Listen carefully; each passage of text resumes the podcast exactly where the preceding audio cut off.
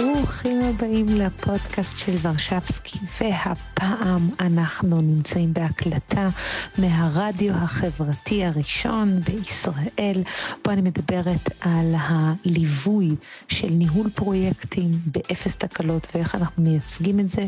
זה מתוך הרצאה מאוד מאוד רחבה שלי, שאותה אני אעלה בהמשך, אז תמשיכו לעקוב.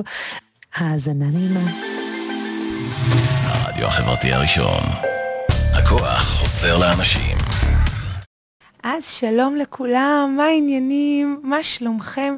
שידור מספר 2, אני מה זה מתרגשת uh, להיות כאן, ואני ממש מתרגשת גם uh, שזה uh, מיד אחרי uh, שיעור אחר שאני העברתי, ואני רוצה לשתף אתכם את חלק מהתהליך בכלל של ניהול פרויקטים.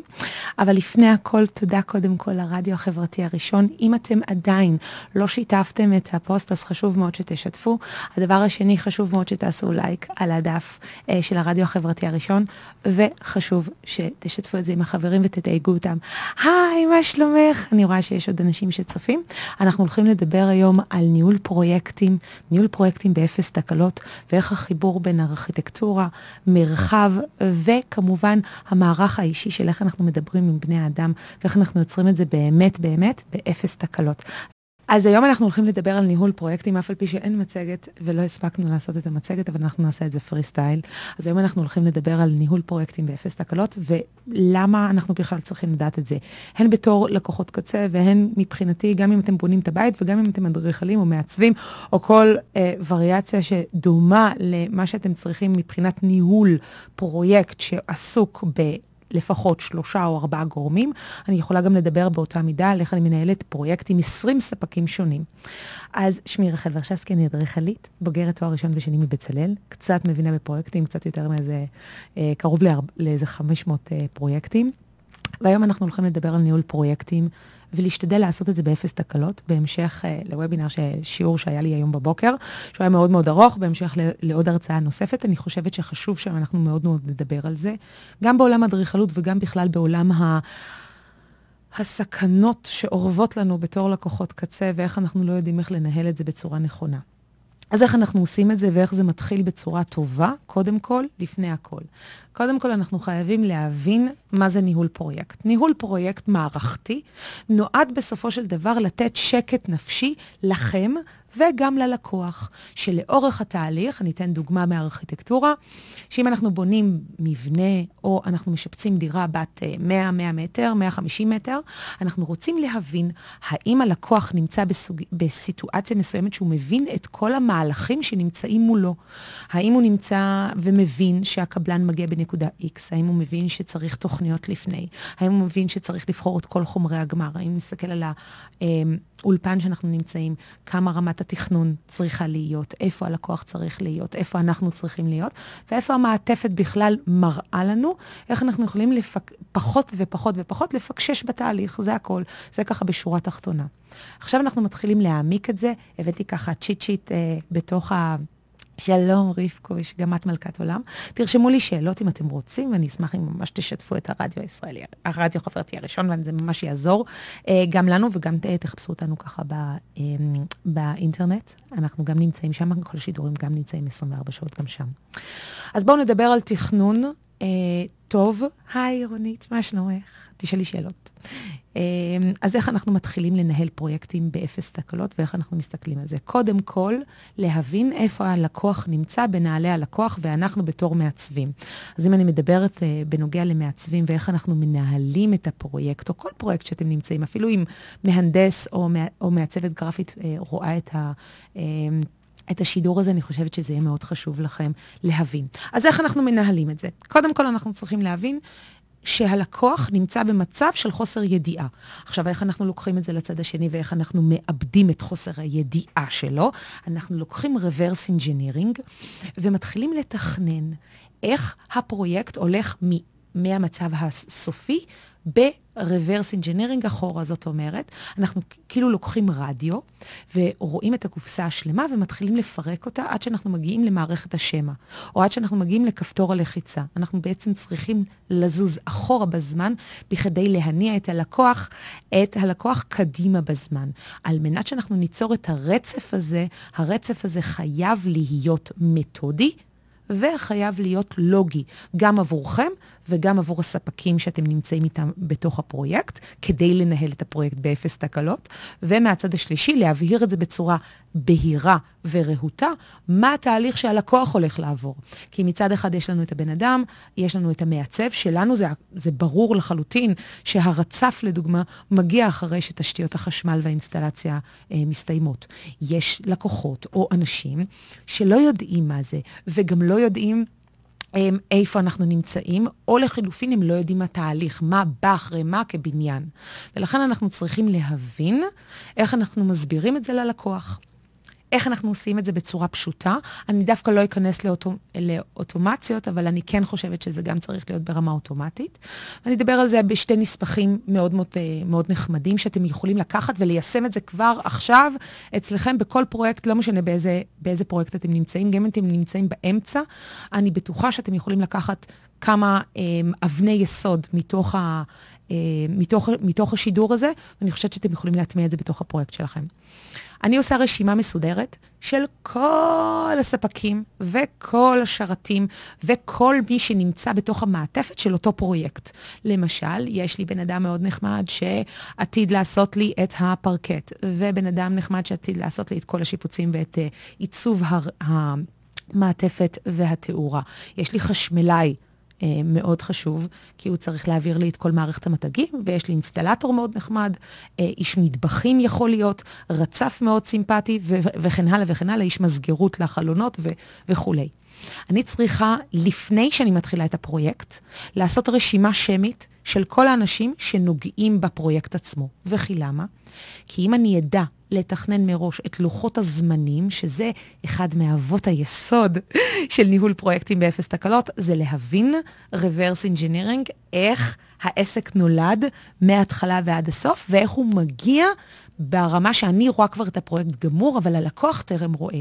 ואנחנו רוצים להשרות שקט נפשי ומתודי עבור הלקוח, שהוא יודע איפה הוא נמצא.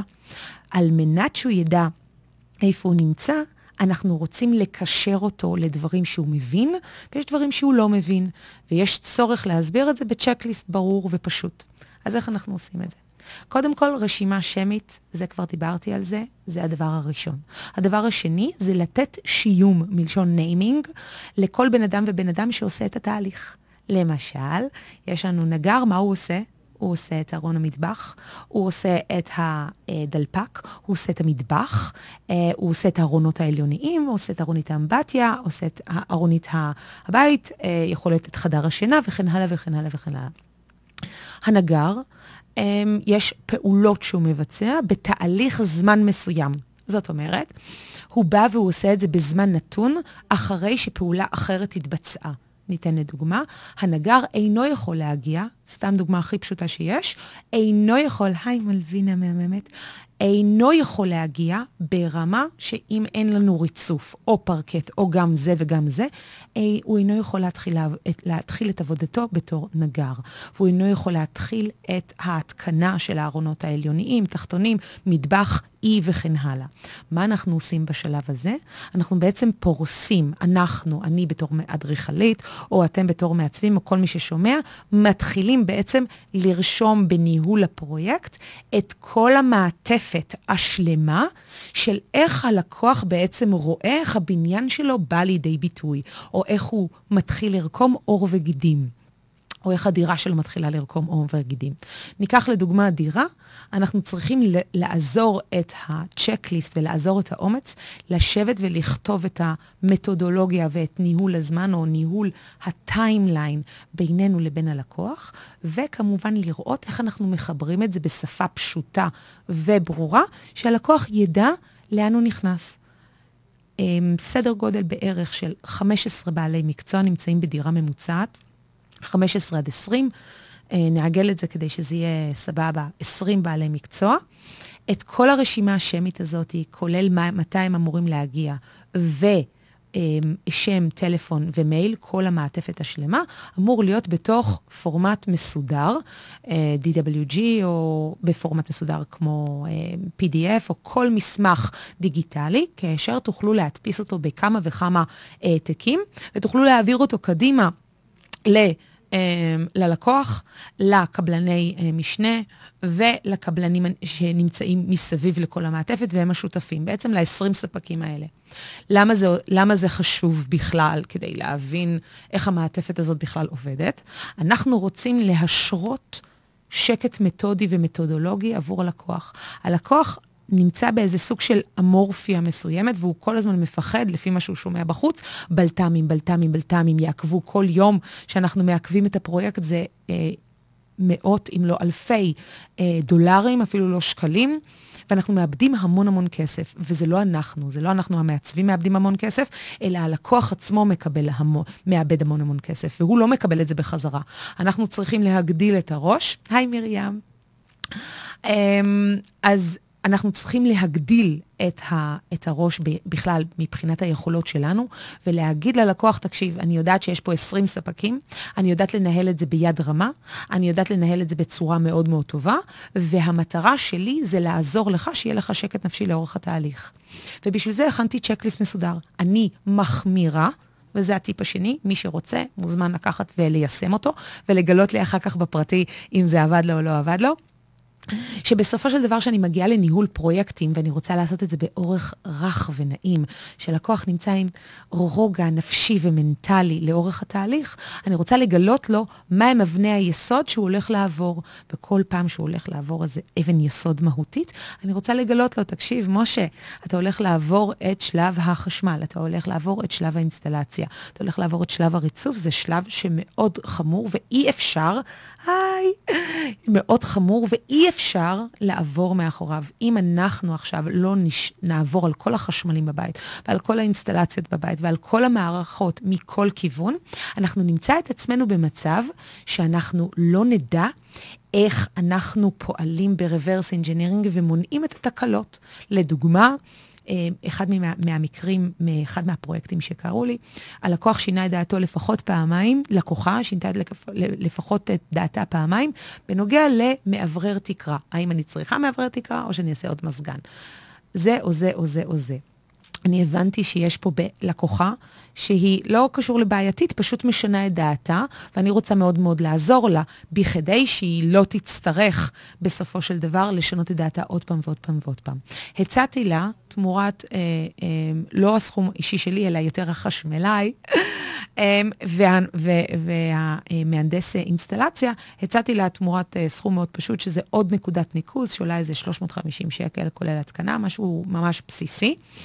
אה, לעדכן אה, בין 2 ל-3 נקודות פוטנציאליות עתידיות, ולהחביא את זה במקום אסטרטגי שהיא לא תראה את זה מאחורי ארונית או מקום ייעודי שהיא, שזה לא יפריע לה, וכמובן איזו נקודה מסוימת שהיום היא תאורה, וכאשר, אבל, היא כיום תאורה, תאורה הכי סטנדרטית שיש, אבל בעוד שנה או שנתיים היא תחליט להחליף את זה למאוורר תקרה או למזגן, אה, מה שבא לה, אז יש שתי נקודות שהן פוטנציאל והן מחוברות בעצם בין המערכות העתידיות שנמצאות או המותקנות מתחת לגוף הרצפה ובתוך הקירות, ובכך אנחנו לא צריכים לפצוע מחדש לא את הקרמיקה, לא את הקירות ולא את המעטפת השלמה, ואז ללקוחה עצמה היה שקט נפשי מאוד מאוד גדול, כי היא ידעה שאני בעצם מונעת לה המון המון תקלות.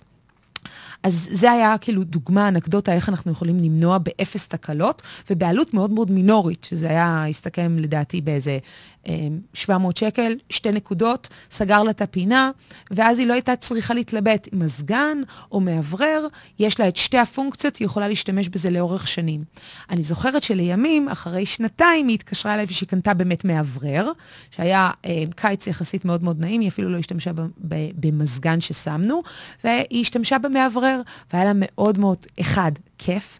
שתיים, היה לה מאוד נעים שחסכנו את זה באמת. ושלוש, היא הבינה באמצעות תקלה אחרת שהייתה לה באחד מהחדרים האחרים, שהיא רצתה להוסיף משהו שהיא לא חשבה על זה מראש, והיא רצתה להוסיף פתאום, אז היא הבינה כמה חציבה יש בתוך הקירות, וכמה יש תשתיות אה, עמוקות בתוך העניין הזה של שיפוץ, ולמה, והיא הבינה גם כמה זה עולה, ואז מתוך המעטפת הזאת היא באמת הבינה שצריך לחשוב על הדברים מראש. אותו דבר, בניהול פרויקטים באפס תקלות. אם אנחנו מסתכלים בתור מעצבים ולוקחים אחריות, לא אמרתי שאתם תיקחו ותהיו מנהלי פרויקטים, אמרתי שתיקחו אחריות על איך המעטפת נראית ואיך אתם יכולים לעזור ללקוח לקבל שקט נפשי, או לקבל הבנה ופריסת מפת הדרכים שהוא נמצא, כי הוא נמצא בסוג של אמורפיה. או הוא נמצא בסוג, בסוג של חוסר ודאות. והחוסר ודאות הזאת מוביל את ה, בעצם את הלקוח להיות מאוד, אחד, אגרסיבי לפעמים, לפעמים צועק, אה, לפעמים חששות, לפעמים לעשות סקר שוק ולבדוק אם להחליף אתכם בתור מעצבים ולעבור לספק אחר, למעצב אחר, או לאדריכל אחר, ולחילופין, הוא כל הזמן נמצא לאורך כל השנה בסטרס. ואחד מהדברים שאני יודעת לנצח זה להפיג את הסטרס. אחד, זה גם לא טוב לנו לאור הפנים, זה לא עושה טוב. אתם רואים? זה לא, זה לא נחמד לעשות יתר על המידה כל מיני תקלות ובעיות לאורך הפרויקט, ולכן חשוב שאתם תהיו במצב שאתם תמיד יודעים לחזות את העתיד. אני תמיד קוראת לזה בחיוך, אני סוג של מגדת עתידות, אני קוראת במחשבות וקוראת בקפה. אני לא יודעת לחזות את כל הבלת"מים, אבל אני יודעת לחזות 99.9 מתוך המערך של שיפוץ, כי אני אדריכלית מומחית שיפוץ, אז זה מה שאני עושה. אז אני יודעת לחזות את 99.9 מתוך הבלת"מים. אפילו יש חתול שנפטר אה, במהלך הפרויקט, והלקוחה הייתה מאוד מאוד בטראומה מזה, אה, והיה עוד לקוח, זה קרה לי גם פעמיים דרך אגב. זה קרה לי עם שתי חתולים, זה קרה לי גם עם כלב, אם זה משעשע מישהו. אה, לא שזה משעשע, אבל זה, זה קורה, אלה דברים שקורים. אני נותנת את זה בכוונה אה, כקוריוז דווקא חתולים וכלבים, אה, ולא חס וחלילה גם חיי אדם, שזה גם אה, קרה לי לאורך הפרויקטים.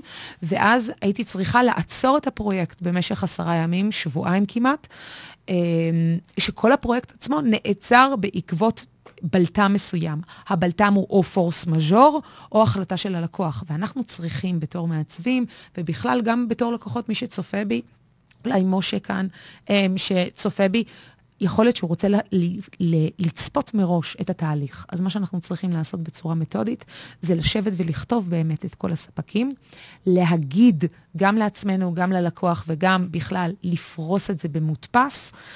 מהם השלבים? אני באופן אישי גם דואגת לזמן כזימון במייל וגם באוטומציות נוספות בתוך מערכות הרבה יותר מורכבות, שלקוח מקבל אותי בלפחות שלוש תצורות. עכשיו שואלים אותי, מה רחלי חופרת עם אימא? למה את חופרת בשלוש תצורות? היום אתם מכירים את זה? זה דבר נורא נחמד. זה אייפון. למי שיש אנדרואיד, אה, לא נורא, אני לא שופטת אתכם לרעה, הכל בסדר. היום, במערכת של היום, הבן אדם נמצא ופרוס סביב מידע אינסופי. ובגלל שהוא פרוס, וכל, וכל המישור הזה, האינסופי, של כמה אנחנו כל כך חשופים דרך מקומות אה, ודרך אפליקציות ודרך מידע שהוא באמת בלתי נגמר, הוא אינפיניטי אינסופי, אנחנו נמצאים באיזה סוג של חוסר ודאות, האם אנחנו עשינו את הבחירה הנכונה. וזה איזה מצב פסיכולוגי שקראתי בכמה ספרים אה, דווקא של הבנת אה, העושר הפנימי. אה, דווקא לא קשור לארכיטקטורה, אלא קשור יותר להבנה והפסיכולוגיה שנמצאת מאחורי הביצוע ההחלטות. אחד מהספרים הכי אהובים עליי שאני תמיד ממליצה, זה הספר של פרופסור דן אריאלי, לא רציונלי ולא במקרה, ממליצה לכולכם לקרוא אותו, ספר פנומנלי, באמת, שמבין מה ההחלטה הפסיכולוגית ששורה מאחורי ההחלטות היומיומיות שלנו. האם אנחנו קונים אייפון או אנדרואיד או שיומי, או האם אנחנו קונים אה, אה, לפטופ כזה או לפטופ אחר, והאם אנחנו קונים ספר שהוא אה, עב כרס או ספר אה, יחסית אה, קטן, ומה מה, מה בעצם החלטת הרכישה שלנו. למה אנחנו קונים קפה ולמה אנחנו קונים... עם קפה ומאפה, מה גורם לנו פתאום לקנות ארוחת בוקר, ואיך אנחנו כל החיים שלנו במצב תלת אלטרנטיבי. אני אדבר על המושג תלת אלטרנטיבי ועל הצעת מחיר שאי אפשר לסרב לה, לא בשידור הזה, אלא בשידור הבא. אל דאגה, יהיה לזה תקדים מאוד מאוד נחמד, אני מאוד אוהבת את השיעור הזה. אז אה, אה, יש לי בקשות מהקהל וביקשו שאני אדבר אה, על הצעות מחיר שאי אפשר לסרב להם, אז אני אדבר על זה ברמה של מעצבים ואדריכלים בסשן הבא, שזה יהיה בערך אה, בעוד שבועיים, בשעה שתיים, אז תבואו להצטרף ברדיו החברתי הראשון. וגם אתם תוכלו לראות את זה גם, גם בווב. ואז בסופו של דבר, שאני נמצאת אל מול הלקוח, אני תמיד רוצה לייצר עבורו ודאות. ודאות באמצעות לפחות שלושה ממשקים. עכשיו, למה שלושה ממשקים? בגלל שיש לנו הפרעת קשב וריכוז, ובגלל שהלקוח אינו יודע לאן הוא צופה, והוא לא יודע באיזה אופן הוא צופה, והוא לא יודע כמה הוא זוכר ממה שהוא ראה, אנחנו גיליתי, אני אה, ישבתי וחקרתי את זה, כמה פעולות צריך לעשות בתור קבלן, בתור אדריכל, בתור מעצב, בכדי שלקוח הקצה שלנו, היי, היי יצחק ברוך, מה שלומך יקירי? אנחנו צריכים לדעת לייצר ודאות מאוד מאוד חזקה. למי שיש שאלות, אני אשמח ממש לענות אם תענו על השידור. אמ, אם כן, ואני רואה את השאלות על הצג, אז תבואו ותשאלו. אם אני רוצה לייצר ודאות אצל הלקוח, והלקוח חייב איזו ודאות מסוימת מהצד השני, והוא לא יודע איך התהליך עובד, חי... קיים איזה סוג של דיסוננס ביני לבין הלקוח. ואז קיים איזה דיסוננס גם ברמת האמון. ואז קיים דיסוננס נוסף ברמת ההוויה של הבן אדם שנמצא מולי. והוא כל הזמן צריך לשאול עוד פעם ועוד פעם ועוד פעם מחדש, רחל, האם הגענו לשלב הזה? רחל, האם הגענו לשלב הזה? ואז בעצם הזמן לא עושה את שלו, כפי שאברהם טל, זה השיר הבא שלנו למי ששואל, שבסופו של דבר הלקוח לא יודע לאיזה תהליך הוא נכנס, והזמן חולף לו ואני לא מנהלת אותו. ואם אני יודעת לנהל את הפרויקט שלי ביד רמה, ואני יודעת לנהל את המעטפת הפנימית של איך לוודא כדי שהלקוח יהיה נטול חשש והוא יוכל להתקדם קדימה, אז בסופו של דבר יש לנו את האפשרות לגרום לשקט נפשי אצל הלקוח. ואז הוא יותר בוטח בנו, ואז אנחנו יכולים לקבל הרבה יותר המלצות, ואז הלקוח הרבה יותר נעים גם לו לספר על התהליך, ואז אנחנו מקבלים הרבה יותר המלצות גם מפה לאוזן. ואז יש לנו הרבה לקוחות הרבה יותר דומים, ואז הלקוח הרבה יותר שמח. זה עושה טוב הרבה יותר לאור הפנים. התהליך הוא לא בזבזני, הוא מאוד חסכני. אני יכולה לחסוך, כממוצע שלי בדרך כלל, הוא סדר גודל בין 40 ל-50 אלף שקל, שאני חוסכת לכל, לכל בן אדם שעושה איתי שיפוץ. אני יכולה לגרום לו שקט. מתודולוגי לאורך התהליך, והכל ברור וידוע מראש על מסמך. זה יכול להיות מסמך מודפס, זה יכול להיות מסמך דיגיטלי, וזה יכול להיות גם וגם את האמת. אני חושבת שזה, לדעתי, אמ, זה יכול להיות גם וגם וגם וגם. זה לא מונע, זה לא בא בדיסוננס. אני חושבת שזה בא דווקא בהלימה לאנשים שהם קצת יותר חששנים, שהם צריכים את זה בלפחות שני פורמטים. פורמט דיגיטלי שנמצא אה, למשל בפלאפון או על ענן, והפורמט השני שנמצא לטובת הלקוח. אה, מודפס עם הלוגו שלי וצבעים נחמדים של מה התהליך.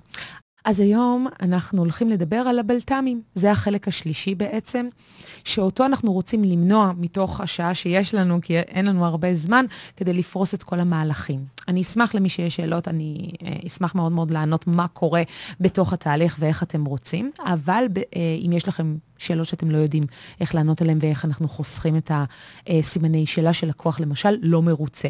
היום בוובינר בבוקר אה, של ניהול פרויקטים באפס תקלות, היי אלינור, היי אלינור, היה לי שאלה מאוד מעניינת. תקשיבי רחל, יש לי לקוח שמשנה את דעתו כל שני וחמישי, או כל עשר בבוקר ושתיים בצהריים, והוא משנה את דעתו כל הזמן.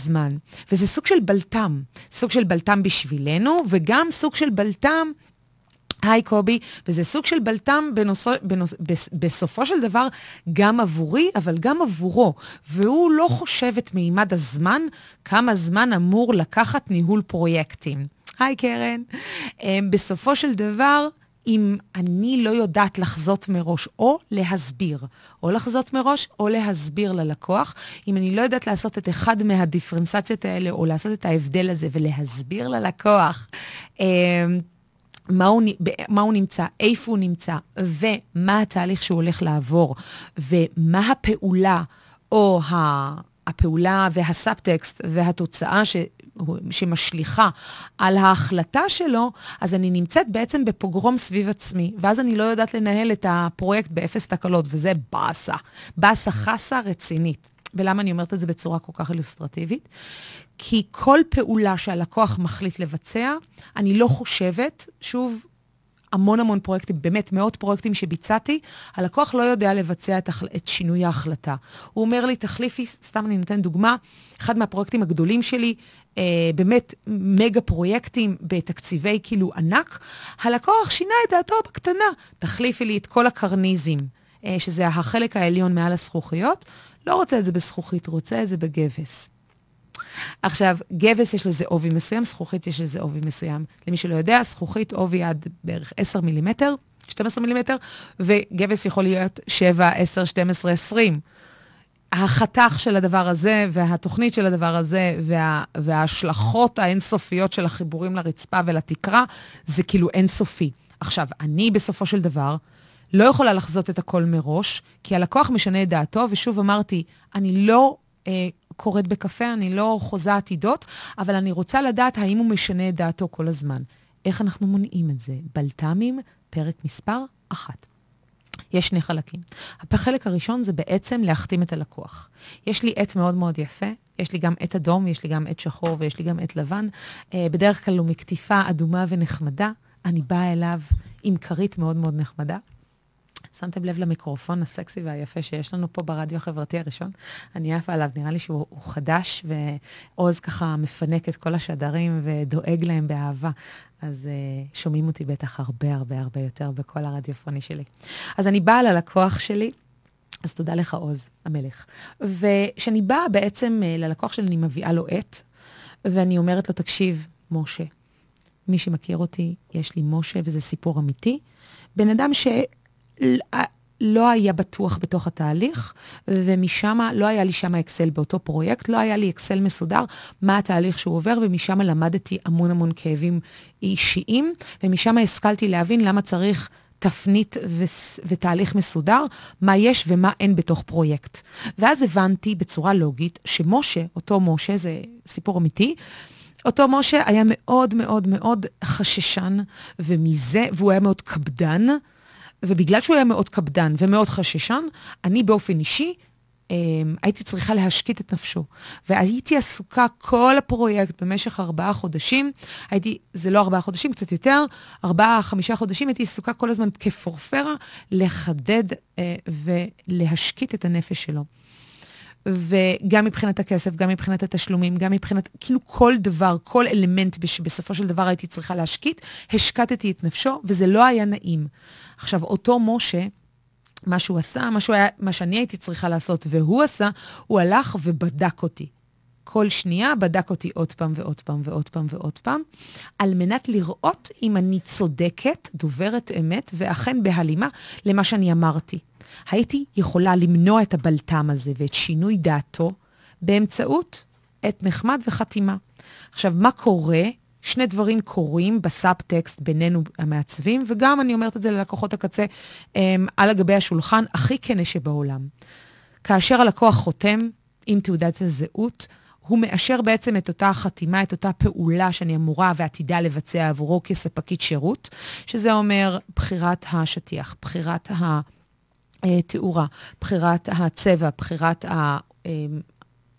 הפס צבירה, בחירת הצבע שנמצא על הקיר, או החיפוי, או לא משנה מה, כל דבר שאני מבצעת עבור הלקוח, הוא אמור לחתום על זה. מה קורה אם הלקוח משנה את דעתו? לי יש אה, נוהל משרדי קטן מאוד, שאחרי שלקוח חותם, אני שולחת מייל מאוד מסודר, היי, שלום, משה, מה העניינים? אה, בחרנו אה, קרמיקה, ברזים, אסלות, מטבח. אלה הדברים שבחרנו היום בפגישתנו במשך שש או שמונה שעות, משהו כזה, משש עד שמונה שעות, ואלה הדברים שנבחרו, אלה הצעות המחיר המלוות, ואני שולחת לך, אישרת על א', ב', ג', נותר עוד ד', ה', ו', שטרם אושר ונחתם על ידך. ללא חתימה, וזה המשפט המנצח שלי, אתם מוזמנים להעתיק, זה עובד כמו קסם. צר לי לקוחות קצה, למי שכל שומע שהצבתי לו ושיפצתי לו את הבית, אבל זה המשפט המנצח שלי. לאחר אישור חתימה, אין העברה או התקדמות לשלב הבא, ואינך יכול להתקדם לשלב הבא בשיפוץ הבית ללא חתימה ואישור של חומרי הגמר. אני דואגת לעשות את זה לפחות ב-60 יום הראשונים, וכן, זה סוד שושו שאני תמיד דואגת לעשות את זה. אחד, בגלל שאני נורא ספידי גונזלס ואני מדברת מאוד מהר, אני פועלת מאוד מהר ואני יודעת בעל פה את נהלי השיפוץ, זה אחד. שתיים, אני דואגת מאוד להשקיט את הלב של הלקוח, שכל הפעולות מתבצעות באישור שלו, ולא על שם אה, קוריוז שלי או על שם מה שבא לי לבחור ובלה בלה בלה, ממש לא. ושאני לא חיה בלה לה לנד, אלא כל דבר הוא באסמכתה כתובה. וחתומה על ידי הלקוח ולא על ידי רוחלה. רחל לא חתמה על שום דבר, רחל לא אישרה שום דבר, זה אתה, משה, הלקוח, שחתם על הכל ואישר לי. במידה, חס וחלילה, שהלקוח אומר, מה, אבל רוחלה, לא בא לי אדום, בא לי אפור, לא בא לי אפור, בא לי כתום, לא בא לי כתום, בא לי טורקיז. אני מפנה את הסעיף הזה ואת המייל הזה ואני מוציאה אותו. תקשיב, יקירי, משה, אתה חתמת ואישרת. וכאן הופך להיות מנהל פרויקט טוב לבין מנהל פרויקט מעפן. אני מדברת גם עלינו כמעצבים וגם על, בתור מנהלי פרויקטים. אתם מוכנים ל- לאכול את, ה- את, ה- את, ה- את, ה- את הטלטלים אם, אני, אם אתם חושבים שאני לא צודקת. אם יש שתיקה בקהל, אני יודעת שאני צודקת. um, הפרויקט עצמו מנוהל, והתחייבתי להתחיל איתך בראשון לינואר ולסיים איתך בשישי ליוני, בסדר? אה, או בראשון ליוני, או בראש, בראשון לאוגוסט, זה לא משנה. המסירה של הפרויקט היא בראשון לאוגוסט, סתם לדוגמה, תאריך קרוב. אתה מונע ממני להתקדם בתהליך.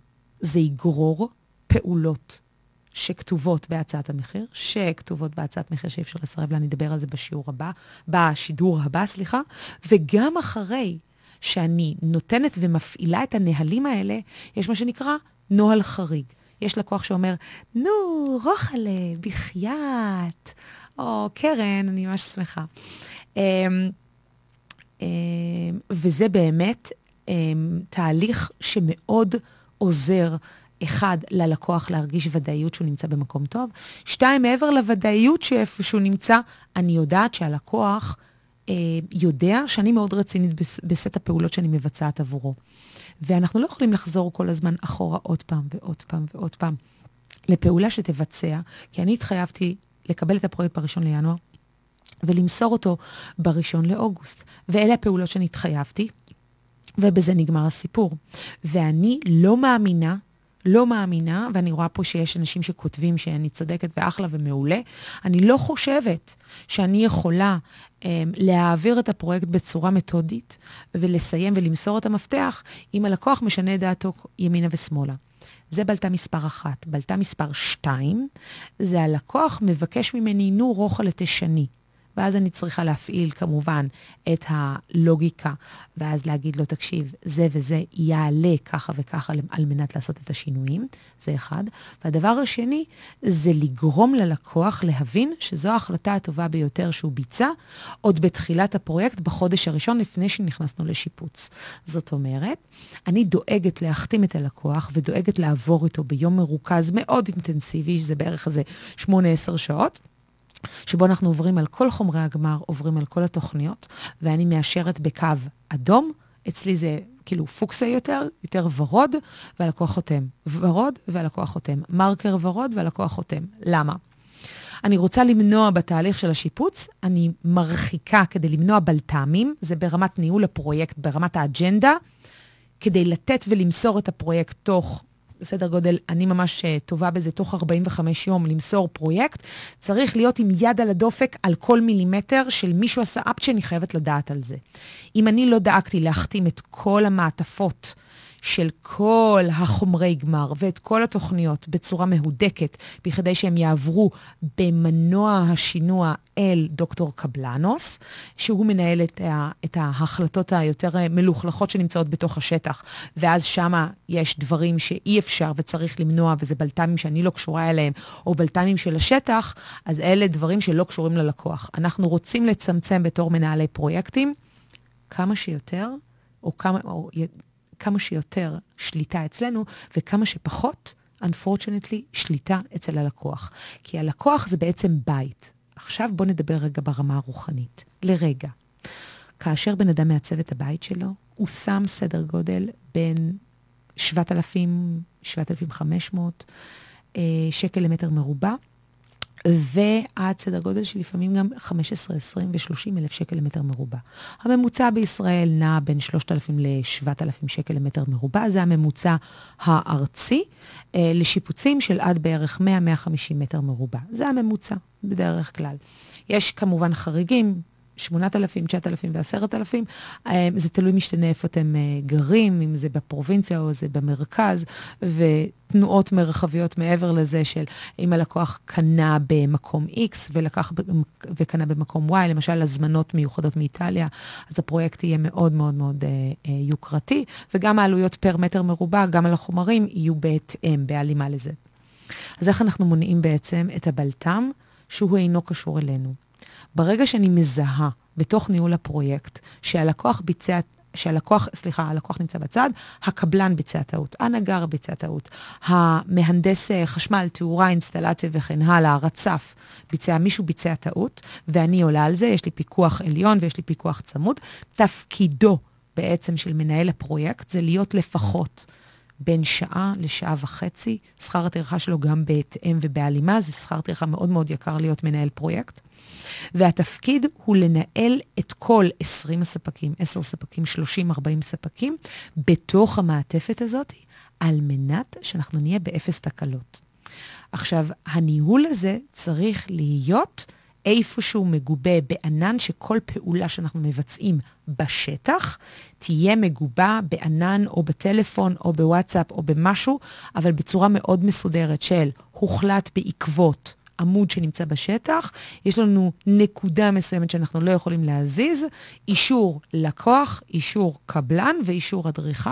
סתם לדוגמה, זה בדרך כלל הסטנדרט מה שקורה, אה, וכנראה גם אה, אישור אה, מיוחד כנראה למהנדס האינסטלציה, אם זה, אם זה קשור, או מהנדס החשמל, או כל גורם נוסף, או חשמל חכם וכן הלאה וכן הלאה וכן הלאה.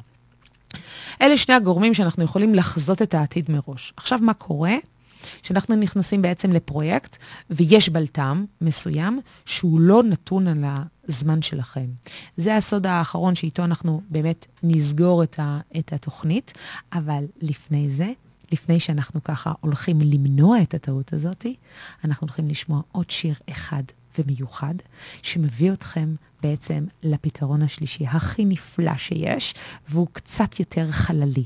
יותר חללי, אז אני חושבת שבגלל שזה יותר חללי ועל חלל, אז הבאתי את ברי סחרוב, שישיר לנו קצת חלליות.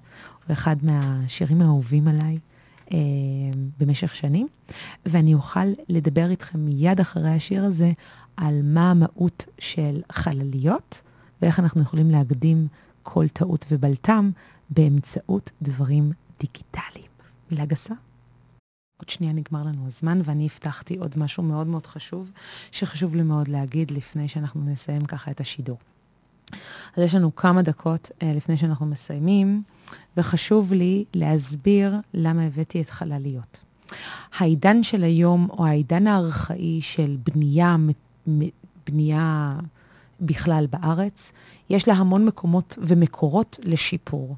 ואני חושבת שגם ברמת ניהול הפרויקטים וגם ברמה הארכאית של איך שאנחנו עובדים, אני אומרת את זה בתור אדריכלית לתוך כל המשרדים שאני עבדתי בהם, וגם בכלל איך שאני מסתכלת על העולם הזה, אני חושבת שאחרי תקופת הקורונה, מותר להגיד את זה ככה, אחרי תקופת הקורונה אנחנו לא אותו בן אדם, נכון? אנחנו לא אותו בן אדם. אני לא חושבת שאני אותו בן אדם, אני חושבת שמשהו אחר יצא אה, אנרגטית בי, ואני מבינה הרבה יותר דברים גם על עצמי, אבל גם בכלל על ההתנהלות. אה, שלי בתור אדריכלית, שלי בתור סופרת, בכלל בעולם הזה, העולם הפך להיות פה. ואני חושבת שבגלל שהעולם הפך להיות בדיגיטל, אה, לא נמאס לי לבוא ולהגיד, לצפות את העתיד ניתן לעשות את זה בצורה חכמה הרבה יותר כאן. ואנחנו צריכים ללמוד בתור מעצבים, ואני חושבת גם בתור אה, מנהלי פרויקטים וגם בתור לקוחות קצה, להתנהל בצורה שהיא הרבה יותר חכמה וזה כאן, כאילו, בוא ניקח חללית ככה לשמיים, אף על פי שאם אנחנו נשווה את מה שאני הולכת להגיד עכשיו לארצות הברית, אנחנו סו כאילו 2009, זה הכי לא רלוונטי בעולם, כי הם עובדים ככה כבר למעלה מ-20 שנה. אבל אני כן חושבת, באופן אישי, שזה עדיין טרם הגיע לישראל. ובגלל שזה טרם הגיע לישראל, אני חושבת שה... פה אני, חושב, אני חושבת שאני שוברת שוק, ואני חושבת שפה אני שוברת את הסיסטמה המתודולוגית. כל ההתנהלות של הפרויקט חייבת להיות ברורה בגאנט ידוע מראש ומוקדם. זאת אומרת, כל הפרויקט חייב להיות פרוס בפני הלקוח. אין כזה דבר, בוא נבחר ספה אה, מתי שאני עושה את השיפוץ. לא. כל הפרויקט ככולו מסתיים תוך סדר גודל של 60 יום. אני יודעת, זה קצת קיצוני, אבל תנסו, תנסו אותי, תראו שאני חוסכת לכם סדר גודל בין 40 ל-50 אלף שקל, רק בגלל הצ'ופצ'יק הזה של לסגור את כל הפרויקט, אני מדברת עד ידית הדלת ועד הוואזה, אילו פרחים יהיו, אילו תאורה, איך זה ייגמר ב, ב, מבחינת הגמרים של הפרויקט, איזה שעון יהיה לי ואיך אני אה, אשתה את הקפה שלי במרפסת. לסגור את הפרויקט מאלף ועד תף ולדעת לעשות את זה מתודית, בצורה נכונה וטובה. הדבר הזה חייב להתנהל בדיגיטל. למה? אם אנחנו נעשה את זה ב... אה, סוג של מחברות כאלה, אה, כמו שאני מראה לכם, שזה מחברות או אה, משהו שהוא לא דיגיטלי, הסיכוי, כמו הכוכב שמצאתי כאן עכשיו, אה, ללכת לאיבוד. ואנחנו אף פעם לא נדע איפה הכוכב הזה הלך לאיבוד, או איפה הבלטם הזה הלך לאיבוד, או איפה הטלפון של um, הבן אדם שמכין ומתקין את הפרקטים, לדוגמה, או מכין ומתקין את הפאנלים שעוטפים את כל הבית, שזה כנראה אותו איש פרקטים, או בן אדם נוסף שעובד איתו. אם אנחנו לא ננהל את כל הפרויקט הזה מראש, ואנחנו לא ננהל את הסיסטמה הזאת בצורה מתודולוגית ונכונה, אני כן חושבת שאנחנו נמצא את עצמנו לא מוצאים את הרגליים ואת הידיים שלנו. הסיכוי הסיכון לאבד אלפי או מאות אלפי שקלים בתוך המעטפת הזאת של שיפוץ בית, הוא כאילו בשנייה אנחנו יכולים לעשות את זה, ואנחנו אפילו לא שמנו לב. ואז זה מגיע לחריגת תקציב, ואז הלקוח מאוד מאוד כועס. ניתן למנוע את זה באמצעות אוטומציות שנשלחות אוטומטית ללקוח, באמצעות מערכות דיבור שמסתנכרנות בין המערכת המשקה שהלקוח מקבל לבין מה שאנחנו מקבלים. ניתן לעשות את זה היום דרך אפליקציה פנטסטית שעובדת מיוחד לאדריכלים, למהנדסים, ואחד מהחברות המאוד גדולות ש- שאני מכירה, גם WeWork וגם... אה, אה, חברות אה, כמו וויקס, חברות מאוד מאוד גדולות, סטארט-אפיסטיות מאוד גדולות, עובדות עם התוכנה הזאת שנקראת monday.com.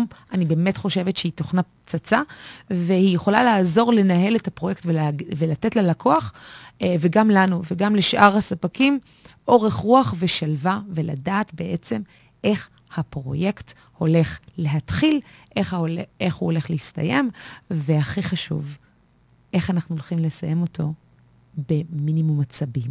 שזה אחד מהדברים שאני הכי דוגלת בהם. פרויקטים עושים באהבה, עושים בכיף, או לא עושים בכלל. אם לא יודעים לנהל את זה, צריך לקחת מישהו שינהל את זה בצורה טובה. אם אנחנו לא יודעים לנהל את זה, אם אתם לא יודעים לנהל את זה, קחו מישהו אחראי אחר, שינהל את הדבר הזה, שיעשה לכם טוב לאור הפנים ושתרגישו טוב, ושיצא לכם באמת את הבית שאתם חלמתם עליו. בעוד שבועיים אנחנו נדבר על הצעת מחיר שאי אפשר לסרב לה, אז תצטרפו אליי לשידור אז, ועד אז אנחנו אה, נתראה ממש ממש ממש בקרוב. אתם מוזמנים לשאול אותי עוד שאלות אחרי שהשידור יסתיים. ועד אז אני רחל ורשבסקי, ואני אראה אתכם בעוד שבועיים. ביי. זאת הייתה הקלטה של הפרק השני שלי ברדיו החברתי הראשון, בו אני דנתי על ניהול פרויקטים. אם אתם רוצים עוד קצת על ניהול פרויקטים ולדעת לעומק, יש לי וובינר שיהיה ממש ממש בקרוב, אני שמה לכם את הלינק כאן למטה, תוכלו להתעדכן ולהירשם עם הלינק, זה לגמרי בחינם. יש גם הרצאות של ניהול פרויקטים באפס תקלות, אני מזמינה אתכם להירשם, ואנחנו נתראה ונשתמע בקרוב. ביי.